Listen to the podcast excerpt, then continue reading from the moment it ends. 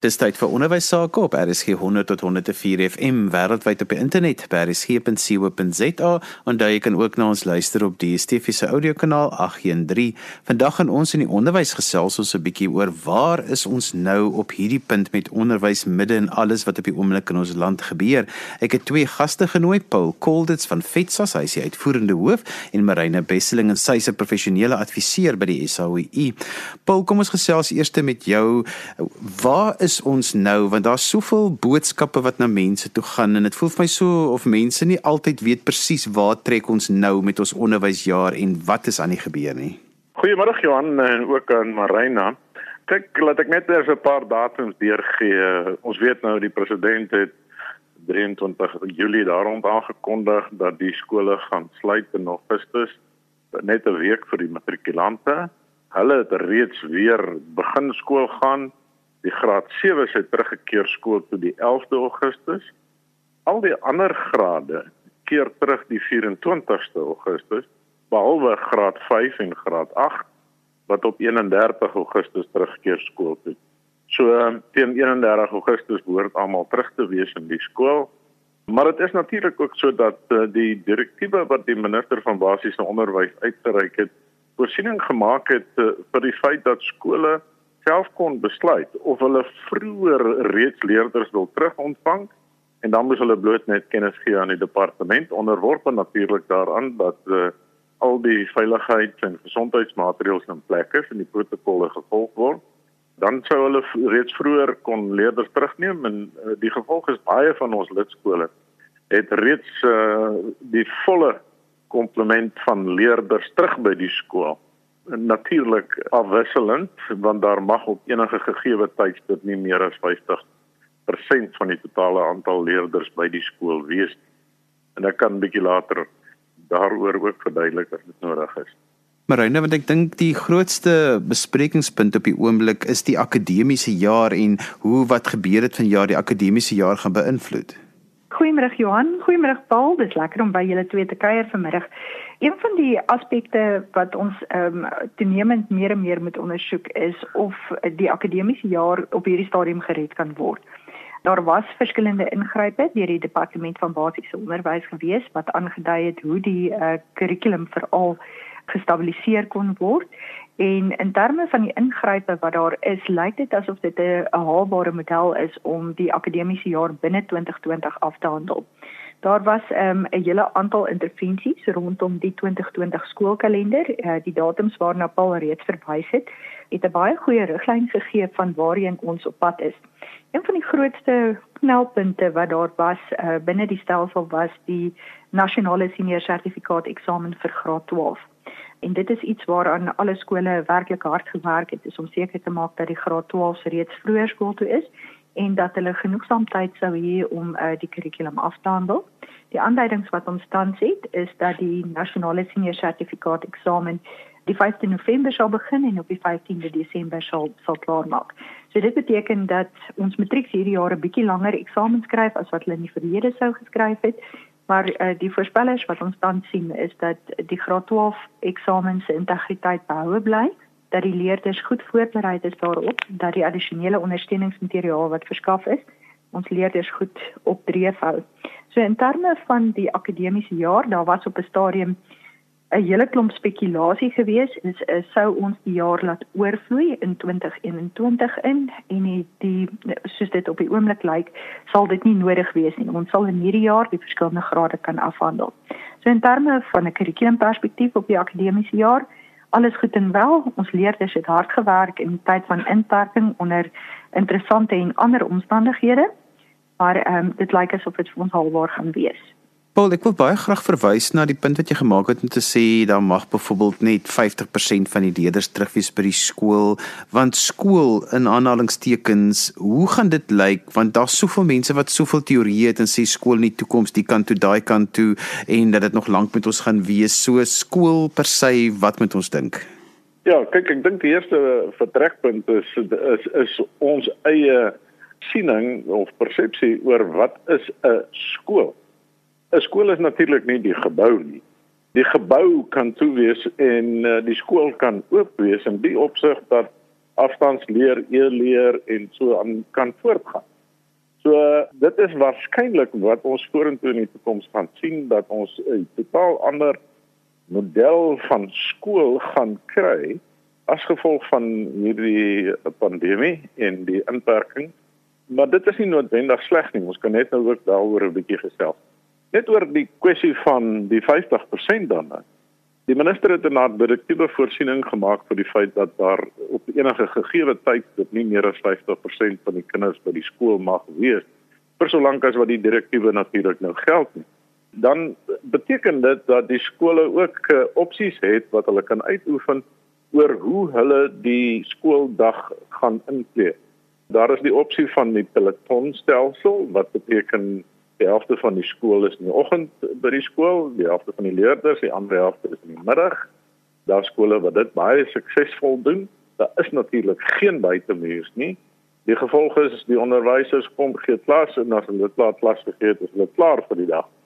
Daar's nie noodwendig merkwerk nie, daar's nie buitemuurse aktiwiteite, sport of dergelike goed nie. Daar's nie goed wat nou oor die naweke gebeur nie. So uh, baie onderwysers sê maar ons verkies dit so ons wil nie teruggaan na voor 27 Maart nie.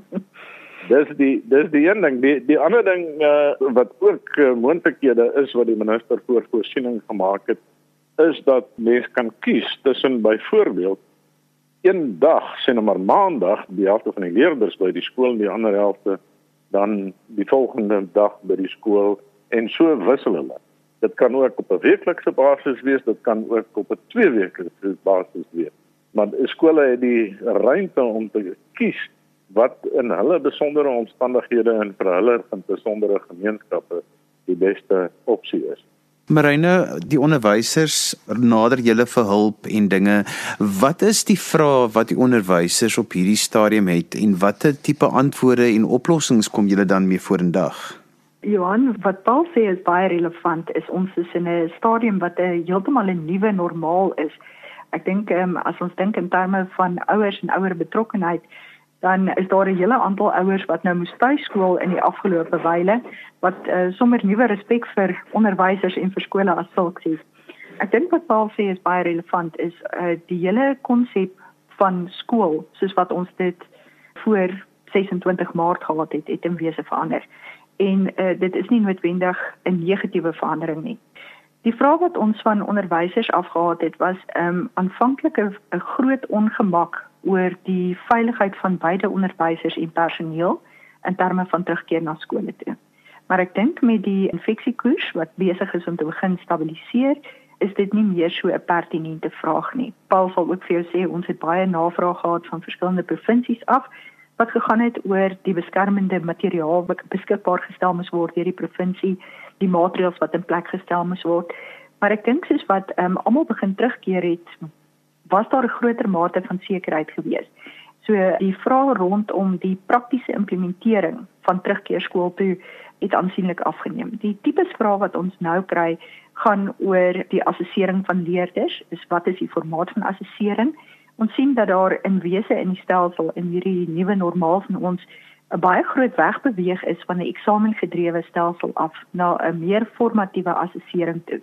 So onderwysers wat kyk na wat kinders kan doen in plaas van hoeveel punte 'n kind daarvoor kan verwerf. En op sigself is dit nie noodwendig 'n um, slegte benadering nie. Die grootste vraag wat ons het rondom grondslagfase gaan oor uh, sosiale afstande in die grondslagfase dit gaan oor uh, die gebruik van materiaal die baie van die uh, onderwysers gebruik matwerk waar die leerders informeel um, op 'n mat sit en saam met die juffrou sekere aspekte hanteer en um, die vraag is nou is is dit nog steeds haalbaar? So wat is wat is haalbaar in 'n klaskamer? Wat sou maklik geïmplementeer kon word? So in terme van die praktiese uitvoerbaarheid die praktiese klaskamerbestuur is daar nogal um, heelwat vrae daar is ook vrae rondom die assessering van veral graad 11. In die verlede het ons gehad dat ehm um, die skole die uh, eksaminering van graad 11 aan die einde van die jaar gebruik het as opstuurpunte na die universiteite toe. En dit is nogal nogal 'n groot uh kommerwekkende area vir onderwysers op hierdie stadium. Is sal dit uh genoegsaam wees om leerders toegang tot universiteite te gee? Die vraag rondom die implementering van verskillende aspekte is relatief min. Dit is as dit voel asof um onderwysers regtig 'n groot mate van selfvertroue in hierdie tydperk opgebou het. Soos Paul sê, is 'n uh, aanlyn leer het nog 'n groot nuwe area geword wat baie opwindend vir baie onderwysers is. En ek dink as 'n mens hierdie verskillende aspekte in ehm um, in ag neem, lyk dit asof ons 'n nuwe onderwyslandskap ingaan. So 'n vraag van onderwysers se kant af, meer rondom die implementering aanvanklik en nou beweeg ons na die praktiese toepassing in klaskamers toe. Marine, maar die groot vraag is ook en daarmee saam vir my en ons het nou al redelik gesels oor waar is ons nou met die onderwys van jaar, maar iewers tussen dit alles is daar mos nou maar 'n klompie bekommerde ouers. En ek weet julle werk nie so direk met die ouers nie, maar dit is tog maar ook 'n deel van ons wat ons ons moet ook hulle vrae beantwoord en hulle vrese aanspreek. Weet jy uh, Johan wat en ek glo Paul sal hierby aansluit. Hierdie was 'n abnormale jaar vir ouers en vir leerders gewees. Is ons het 'n standaard vorm aan die jaar. Jy weet wat om te verwag veral as jy matriek is. Daar gaan 'n matriekafskeid wees, daar gaan verskillende funksies by die skool wees, daar gaan 'n afsluitingsfunksie aan die einde van die jaar wees en dan skryf jy matriekeksamen. Die aanvanklike vrae en kommer wat ons van ouers gehad het, was amper sosiale afskeid neem van die uh, normale tradisies wat daar aan 'n skool gekoppel is. Ehm um, daarmee saam die groot onsekerheid is as ek my kind skool toe stuur, wat is die rasio van infeksie waaraan my kind uiteindelik blootgestel kan word. Soos wat ons nou verder in die in die jaar in beweeg, is daar meer en meer ouers wat bekommerd is daaroor is sal my kind die jaar moet herhaal. daarmee saam is daar ook 'n groot kommer oor het my kind iets uitgemis in hierdie jaar wat hy nie in die in die komende jaar gaan opvang nie. Baie keer kry 'n mens dat ouers meer as een kind in dieselfde skool het en 'n mens meet jou twee kinders aan die die aard en die omvang van die werk wat hulle doen. En dan is daar nou groot kommernis is dat die jonger kind nie dieselfde aard van werk hanteer as wat die ouer kind hanteer nie. So vra van van ouers se kant af is ongelooflik relevant en dit spreek baie van die verandering wat ons tans sien aan. So ehm um, ek glo dat ouers wanneer die kinders eers terug is by die skool, groot rustigheid sal hê, sal weet dat hulle in 'n professionele omgewing is waar daar bekwame mense is wat leiding aan beide die ouer en die kind sal gee. Wel, want die interessante ding is mos nou maar dat ja, ons het nou vir 'n ruk lank was ons nou al ingeperk en dinge het so bietjie tot stilstand gekom, maar die skool gaan aan, die die lewe gaan aan. Ons kom by begrotingstyd, ons kom by volgende jaar moet daar nuwe nuwe beheerliggame gekies word as ek dit reg het. Al daardie dinge moet nog steeds gebeur en ons skoolhoofde en beheerliggame is eintlik onder geweldige druk om al hierdie dinge wat maar soos altyd moet gebeur nog steeds te laat gebeur. Inderdaad so, inderdaad so Johan en van weer die beperking op samekomste dit nou nie moontlik om groot uh, vergaderings met ouers te hou en so aan. So ons is redelik hard aan die werk om tegnologiese vergaderings, elektroniese vergaderings opsies vir ouers beskikbaar te maak vir skole beskikbaar te maak. Dit is reeds beskikbaar om byvoorbeeld begrotingsvergaderings te hou, om algemene ouervergaderings te hou baie ouers het natuurlik bedank van beheerliggame af of is nie meer op die beheerliggame die gevolg is daar vakatures wat binne 90 dae gevul moet word. Daar moet uh, amptenare gekies word. Al die tipe van goed moet gebeur en dit is alles moontlik uh, met behulp van uh, tegnologie. So uh, ons het ook met die nasionale departement van onderwys 'n vergadering gehad lede week waarin hierdie opsies bespreek is en die nasionale en provinsiale departemente hulle goedkeuring verleen het aan die feit dat uh, baie van hierdie vergaderings wat om praktiese redes nou nie meer fisiese vergaderings kan wees nie wel elektronies gehou kan word. So die planne is reg om dit te kan benut en um, skole is hartlik welkom om ons te skakel om daardie platforms vir hulle beskikbaar te maak en uh, vir hulle te help daarmee.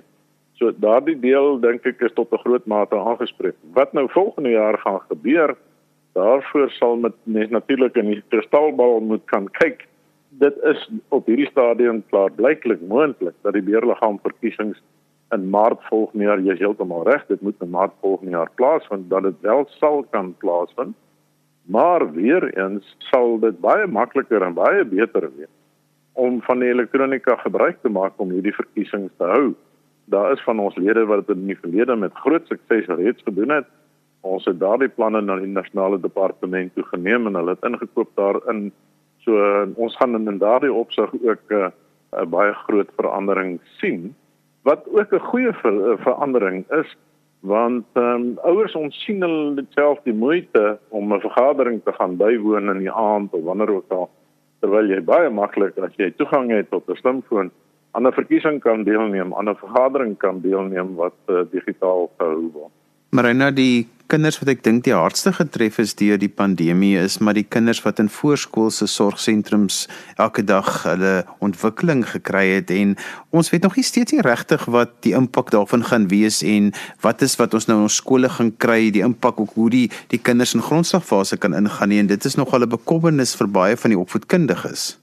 Die voorskoolse sorgsentrums is um, is 'n area wat wat werklik baie fokus in die komende jaar sal moet kry. daarmee saam ook die inklusiewe onderwysskole waar leerders nie net onderrig ontvang het nie, maar ook terapie.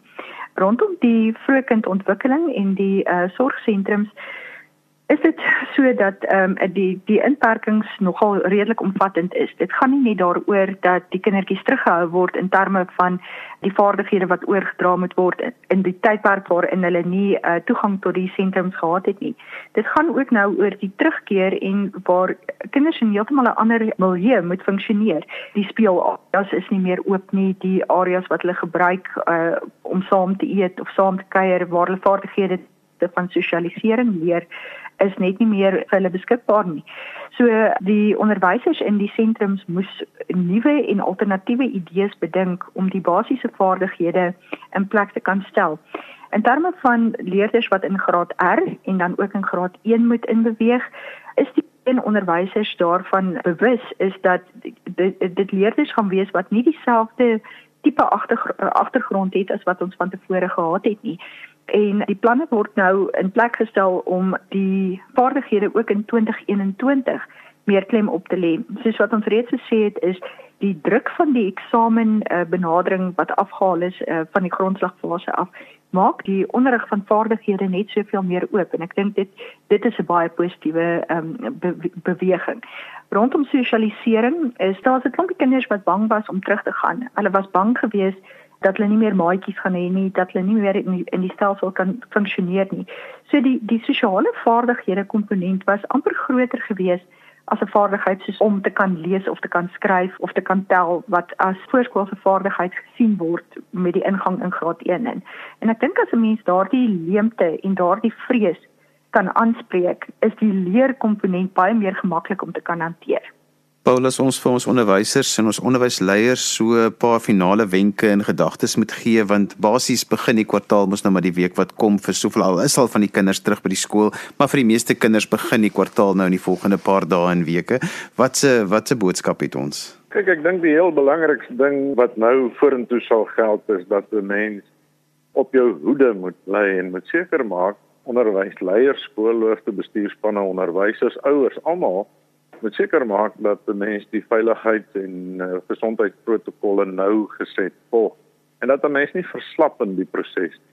Dit is die eerste ding wat ek dink wat mense sal aan aan sal gewoond moet raak. En dan die ander belangrike ding is uh, die goed wat Marina ook sê, né? Ek meen skool en opvoedkunde en opvoeding gaan nie oor 'n punt aan die einde van die jaar nie. Dit gaan oor veel meer as dit. En in daardie opsig was hierdie hele situasie wat ons nou beleef het 'n wekroep met betrekking tot hoe ons onderwys moet sien. Soos wat ek nie aan die begin gesê het, jy weet, skool is nie die gebou nie. Skool is baie meer as dit. 'n Skool is die leerders, dis die onderwysers, dis die ouers, dis die hele gemeenskap wat rondom die skool is. Dis die proses van leer. En daardie proses van leer gaan drasties aangepas moet word.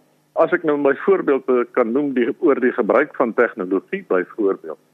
As jy die beste wiskunde onderwyser by skool A het wat aan 40 kinders kan klas gee, hoekom nie tegnologie gebruik om daardie beste wiskunde onderwyser is vir die hele land se kinders te laat 'n wiskunde les gee? Dit is die rigting waarna ons dus sal beweeg en ek dink dat die boodskap ook is dat ons anders en meer kreatief moet dink met betrekking tot ons hele opvoedkundige stelsel, ons hele onderwysstelsel, want ons onderrig leerders, ons rig hulle af op hierdie stadium vir die eerste industriële revolusie en ons trek al by die 4de ene.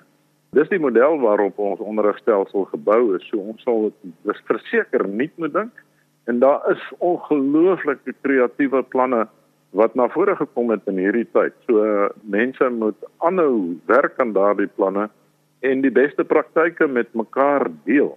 Nie net vir onsself hou nie. Ons het nou ook in hierdie tydperk geleer dat samewerking is absoluut belangrik. Mense praat van ons is almal in dieselfde bootjie, maar dis 'n vals beeld. Daai bootjie het gesink. Ons is nou almal besig om stroom op te swem teen 'n baie sterk gety en en daarom het ons mekaar nodig om uh, die beste te maak van wat hierdie hele situasie vir ons aan die lyf gebring het. Marina, so kort slotwoord van jou. Ek wil aanhaak by die uh, vierde industriële revolusie. Tot op hede was ons baie bang en benoud geweest om 'n stap in 'n rigting te neem waar ons uh, sekere goed in plek kon stel. En die skool het, het inderdaad 'n argaïese struktuur geword wat min uh, nuwe en vernuwendende denke gehad het. En op 'n manier is ons in hierdie sterk stroom ingegooi en ons moet nou swem. En as daar haalbare opsies kan na vore kom, sal dit baie goed wees. Ek dink wat vir my verskriklik mooi is uit hierdie tydperk uit wat ons nou gesien het, is inderdaad mense wat met mekaar saamwerk, mense wat hande vat, ehm um, wat probeer om die beste vir die kinders van ons land daar te stel. En ek dink in terme van die onderwysers, die hoop wat daar is vir die toekoms en die die hoopvolle benadering ten opsigte van die bereik van van uitkomste. So ek hoop dat ons nie uiteindelik hierdie veranderinge wat daar uh, plaasgevind het agterweeg gaan laat nie, maar dat ons dit sal omarm en sal saamneem in die volgende jare in.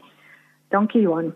En so gesels Marine Besseling van die SAU en ons ander gas was Paul Kolditz van Fetsas. Onthou jy kan weer na vandag se program luister as 'n potgooi, laai dit af by resgep.co.za. Ons het vandag in ons in die onderwys so 'n bietjie 'n bestekopname geneem van die skooljaar. Waar is ons nou en waaroor moet ons nou op hierdie stadium dink? En daarmee groet ek dan vir vandag tot volgende week van my Johan van Lille. Totsiens.